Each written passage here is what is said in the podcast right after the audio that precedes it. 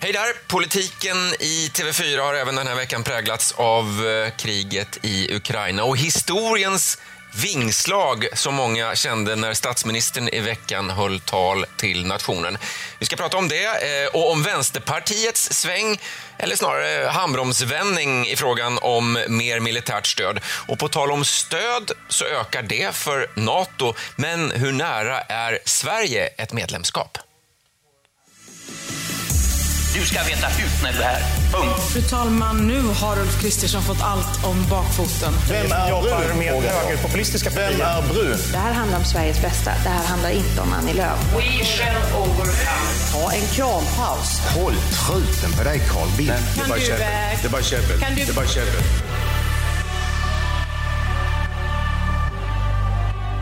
Så heter podden, inte bara käbbel. Ann Tiberg, Ulf Kristoffersson, eh, välkomna eh, till dagens poddavsnitt. En allvarsam vecka, en, ännu en allvarsam vecka, Ann.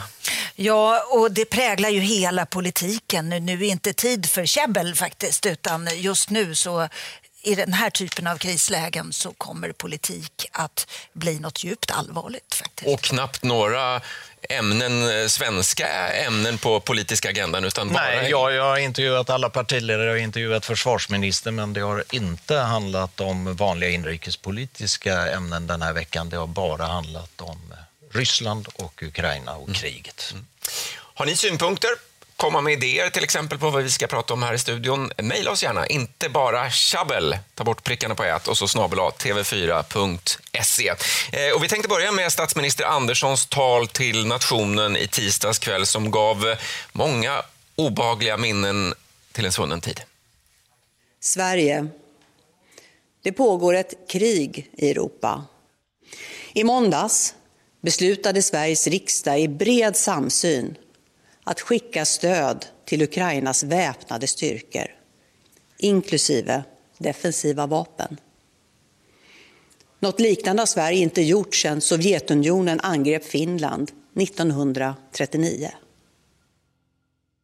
Ulf, i alla fall jag fick en liten klump i magen när man hörde det här. Det... Ja, det var väldigt ödesmättat och bara den här öppningen, Sverige, det är krig i Europa, det, det slår ju an en ton som man inte brukar höra från eh, politiska ledare eller statsministrar i Sverige i alla fall. Eh, jag fick nästan känslan av att det, det här är ett tal som kanske kungen skulle ha hållit. Eh, för det var ju inte något politiskt innehåll på det sättet. Det var en uppmaning till alla svenskar att förbereda sig på den här svåra situationen och vad det innebär att det är krig i vår närhet och att man måste liksom ställa in sig på det. Eh, och sen den här anspelningen då på, eller att hon påminner om 1939, alltså det året när andra världskriget startade eh, Tyskland invaderade Polen och även finska vinterkriget då, som ju hon hänvisar till när Sverige skickade vapen till Finland. Eh, och då kan man ju gå tillbaka till, då var Per Albin Hansson statsminister och han höll flera uppmärksammade tal i samband med att kriget bröt ut. Här är ett av dem från augusti 1939.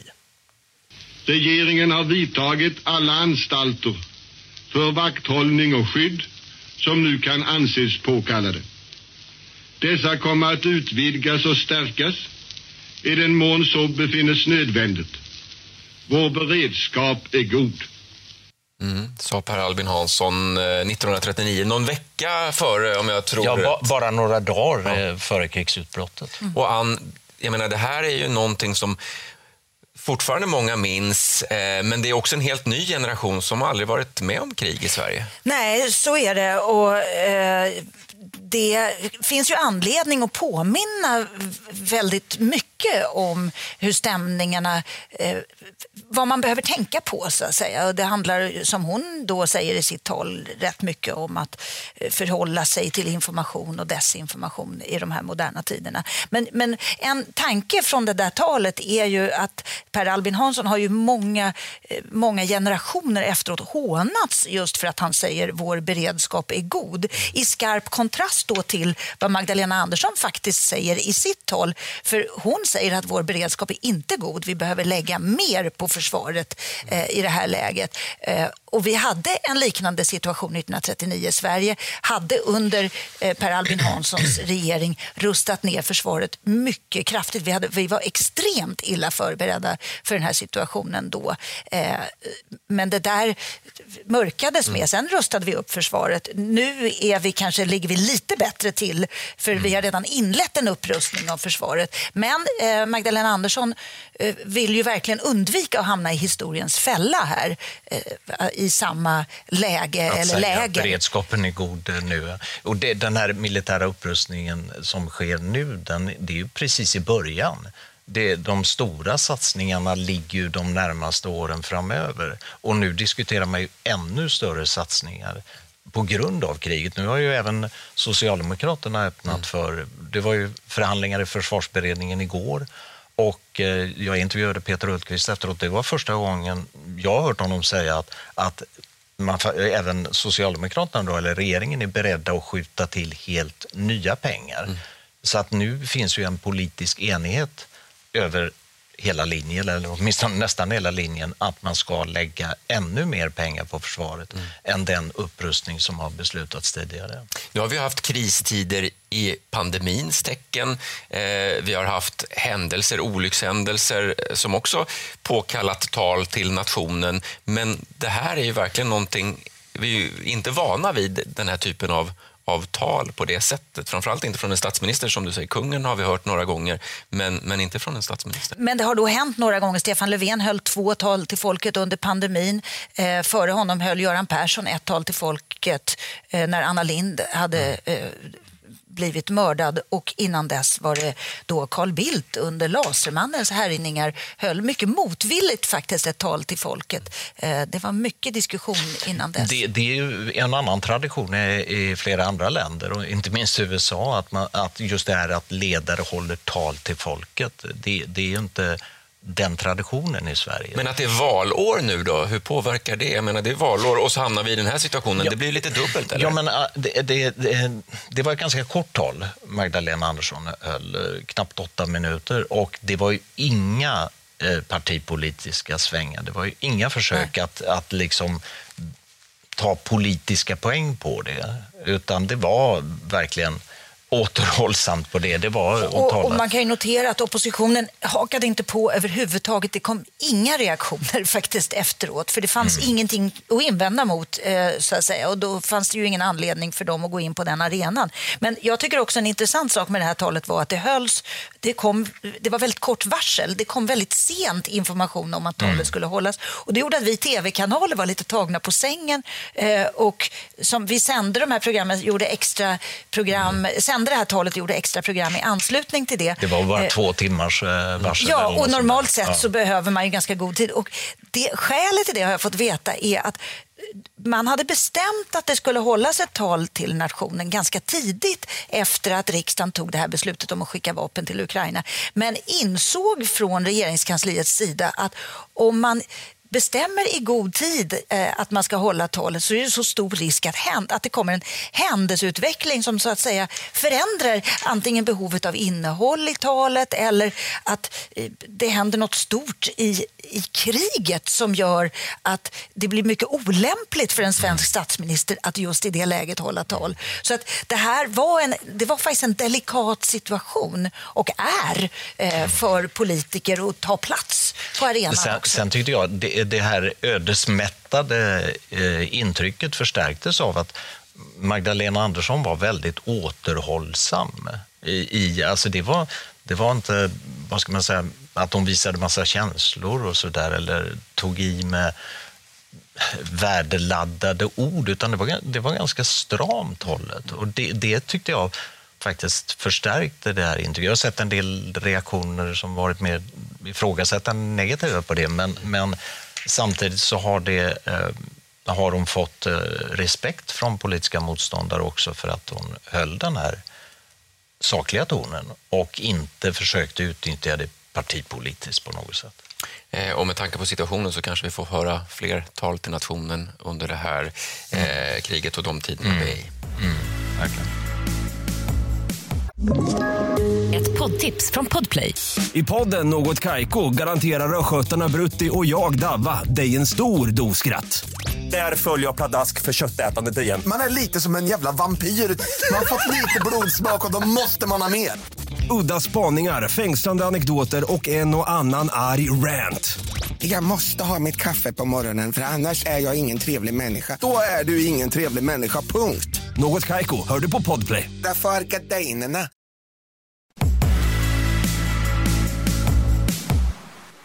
Det här är inte bara käbbel, politiken i TV4 och eh, vi eh, tänkte byta ämne. Vi gör precis som Vänsterpartiet eh, gjorde i veckan, en hamromsvändning, tvärvändning, Ann. Ja, det gjorde de verkligen. Och den vändningen han, ställdes ju på sin spets i måndags när riksdagen röstade om att Sverige bistår Ukraina med vapen. Och då var nio vänsterpartister frånvarande i den historiska omröstningen. En av dem var partiledaren och jag ställde frågan till henne i en intervju. Varför var hon inte där? Jag hade andra ärenden under den dagen.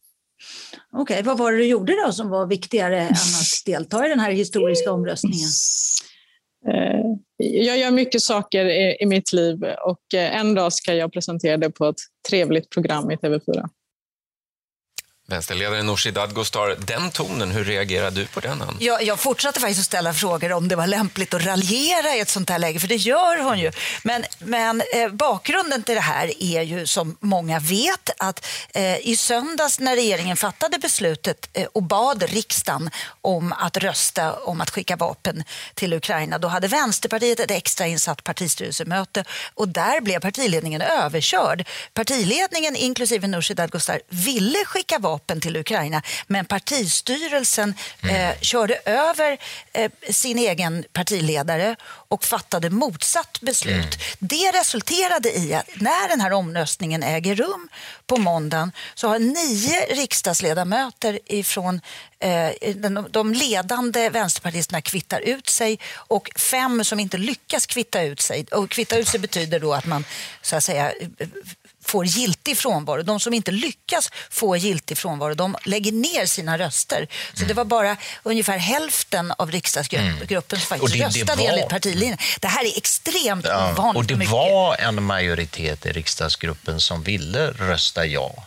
Sen var det ändå hälften ungefär som, som ställde upp på partilinjen när det blev röstning. Men att så många, och även sådana ledande personer som Ulla Andersson var ju en av dem som avstod. Hon är oerhört tung i Vänsterpartiet. Och dessutom Jonas Sjöstedt, eh, tidigare partiledaren, var ute på Twitter och försökte påverka ställningstagandet genom att skriva att han tyckte att man skulle tillåta mm den här vapenleveransen. Till Men vad hade hänt om Nooshi Dadgostar hade varit i riksdagen då? Ja, då hade hon ju eh, så att säga, varit tvungen att lägga ner sin röst, alternativt stödja partilinjen. Men man kan ju säga att om, parti, inte tycka själv. Hon om kan inte- partiledaren går emot sitt eget partis linje i eh, en riksdagsomröstning, då har jag väldigt svårt att se att den partiledaren kan sitta kvar. Nej, det här var- det det, här här var- var, det här var så att säga en, en existentiell fråga för hennes eh, fortsatta Ja, och vid, partiledarskap. vid det partistyrelsemötet där, eh, där de ändrade sig då, dagen efter, eh, då, då var det ju en kabinettsfråga. Hade inte eh, Nooshi Dadgostar fått dem att ändra sig så hade hennes situation blivit helt ohållbar. Och, vet du hur de gjorde för att få partistyrelsen att ändra sig? Då? För att det, var, det var ju så här, de hade ett nytt partistyrelsemöte då dagen efter för att, vända upp och vända tillbaka det här. Och då eh, hade partisekreteraren Aron Etzler, han är föräldraledig, så då kallade de in honom från föräldraledigheten. För det var så svag majoritet för den andra linjen så de räknade med att han Mm. så att säga, skulle räcka. Sen har inte jag faktiskt röstsiffrorna så jag vet inte om det var, var några Nej. andra som ändrade sig. Nej, nej, men- men, men det är, it's in the numbers. Men det skadar partiet. Men, ja, eh, oerhört. Det, det här är liksom ett eh, episkt misstag. Jag har sällan varit med om att ett parti eh, trampar så oerhört snett. Eh, Det, det, jag pratade med flera vänsterpartister då, dagen efter, när när de väntade på det här beslutet där de skulle ändra sig. Och de var helt förtvivlade. Och det var det är ri- riksdagsledamöter som, som tyckte att det här, det här är katastrof. Ja. Och, och, det, och, det, samtidigt gick det ut på påbud att ingen skulle låta sig intervjuas. Vi hängde, vi stod och häckade utanför deras partihögkvarter i Gamla stan och då gick det ju liksom ut varnings-sms om att de står där. Ja, just det. Normalt sett brukar några gå ut och röka där, så de brukar ja, gå och få tag i. Men, men jag ska säga också att den här, i själva sakfrågan så lever klyftan kvar. Vänsterpartiet är inte enade i den här frågan. Bara för att de har ändrat sig så betyder inte det att det finns en stor eh, grupp vänsterpartister som är extremt upprörda ja. över att partiet har ändrat sig. Och det handlar faktiskt om synen på neutralitet. För att eh, argumentet som de har som emot att skicka vapen det är att när Sverige skickar vapen så blir vi inte längre en neutral part. Eh, det finns ingen möjlighet att vi kan vara jo, det. Jo, det. Och Sen kan man fråga sig om vi någonsin var en neutral part. Jo, men, men, men, men, det här led, ja, ja, jag, jag vet att det leder vidare till nästa ämne, men jag tänkte ändå bara säga att det handlar inte bara om det. Det handlar ju också om att Vänsterpartiet fortfarande inte har lyckats göra upp med sin historia. Alltså att det, det, det, finns människor som har... De var ju Moskvatrogna i väldigt många år. De, de såg Ryssland som en förebild. Och det här påminner ju om att det där finns fortfarande kvar i väggarna. Inte, jag säger inte emot dig, där. jag håller med dig om det. Men jag menar att det finns sakliga argument inte också. hos de ledande nej, nej. vänsterpartisterna som nu sitter i ledningen. Men man ser ju till exempel partistyrelsens ställningstagande där. Då präglade det. Det, var och det är sant att det, är en stark USA-fientlighet och så ja, finns och kvar om man tittar på Facebook-diskussioner ja. också. Ja. Så det är absolut sant. Vi glider ju över här i podden till nästa ämne, men en allt osäkrare eh, värld påverkar både Sverige och Europa, så är stort fokus på vår egen säkerhet. Vi hörde i nyhetsrapporteringen i veckan att Flera ryska plan kränkte svenskt luftrum utanför Gotland till exempel. Många reagerade starkt på det här. Det folkliga stödet för Nato för ett medlemskap ökar enligt en mätning från Novus. Men hur nära är vi, rent politiskt i alla fall, då, att gå med i försvarsalliansen? Att neutraliteten, alliansfriheten, allianslösheten, det var en del av en svensk självbild. Kanske också en del av en, av en finsk självbild. Jag skulle säga att den tog slut i torsdags. Mm. Moderatledaren Ulf Kristersson i Efter fem intervjuad av Tilde de Paula Eby. Eh, ja, alliansfriheten tog slut i ja, den, den, tog slut långt tidigare. Alltså jag, jag förstår vad han menar, för det blir liksom ett sånt konkret eh, belägg för det. så att säga. Men i, alltså det här med neutralitet har ju inte använts av, eh, som begrepp av ledande politiker i debatten på väldigt många år. Alltså det man pratar om är militär alliansfrihet, att vi inte ska vara med i, i Nato. Men senast en statsminister sa, det i, sa neutralitet i en regeringsförklaring eh, var, rätta mig om jag har fel, men Göran Perssons regeringsförklaring 1998. Sen dess har man inte använt det här begreppet utan nu betonar man istället att, eh, att vi ska vara militärt alliansfria. Ja, vi ska inte gå med i Nato, men om andra länder blir angripna, då ska vi ställa upp och hjälpa till. Du har inte fel. Och man betonar också samarbetet med Nato att det är viktigt. Det står Ann Lindes senaste mm. utrikesdeklaration till exempel. Ja, och den här solidaritets politiken. Det har smugit. Jag tror att många människor fortfarande tror att Sverige är ett, ett, ett land som är eh, alliansfritt i fred för att kunna vara neutralt i krig. Och, och, det är också en bild man har utanför Sverige. Internationellt kan man notera att man pratar i internationella medier om neutrala Sverige. Till och med neutrala Sverige skickar vapen till Ukraina. Men det är alltså, precis som Ulf säger, vi har en solidaritetsförklaring som vi avger varje år i vår mm. utrikesdeklaration. Det, dessutom har vi ju flera samarbetsavtal eh, med, med Finland mm. och med USA, Finland och Sverige har ett eh, avtal också, samarbete. Och det finns massa sådana här olika samarbetsorganisationer militärt. Man gör övningar ihop och så vidare och binder sig för att hjälpa varann. Mm. Men med tanke på det du säger om, om vår koppling till Finland, då, när vi nu spelar in podden så är Finlands president Niinistö på väg till möte med USAs president Biden. Vilken press sätter det på svensk politik och frågan om att gå med i Nato? Eh, Finlands socialdemokrater har ju också öppnat nu för Nato. Eh, mm. Så att det, det, är, och, och, här går Sverige och Finland går hand i hand i den här frågan. Jag skulle till och med utgå ifrån att om det sker en omsvängning eh, från Sverige och Finland så är det samordnat. Det Mm. skulle jag tro. Då går Sverige med i NATO. Ja, det, det, det håller jag med om. Eh, Och eh, Peter Hultqvist har ju hela tiden varit inriktad på att det här samarbetet med Finland, det, det, det är viktigast i vår säkerhetspolitik. Han har ju byggt det väldigt mycket på oerhört... Sverige-Finland går, går hand i hand. Eh, Så skulle eh, Finland eh, använda sin option och gå med i Nato, då tror jag att Sverige skulle följa efter.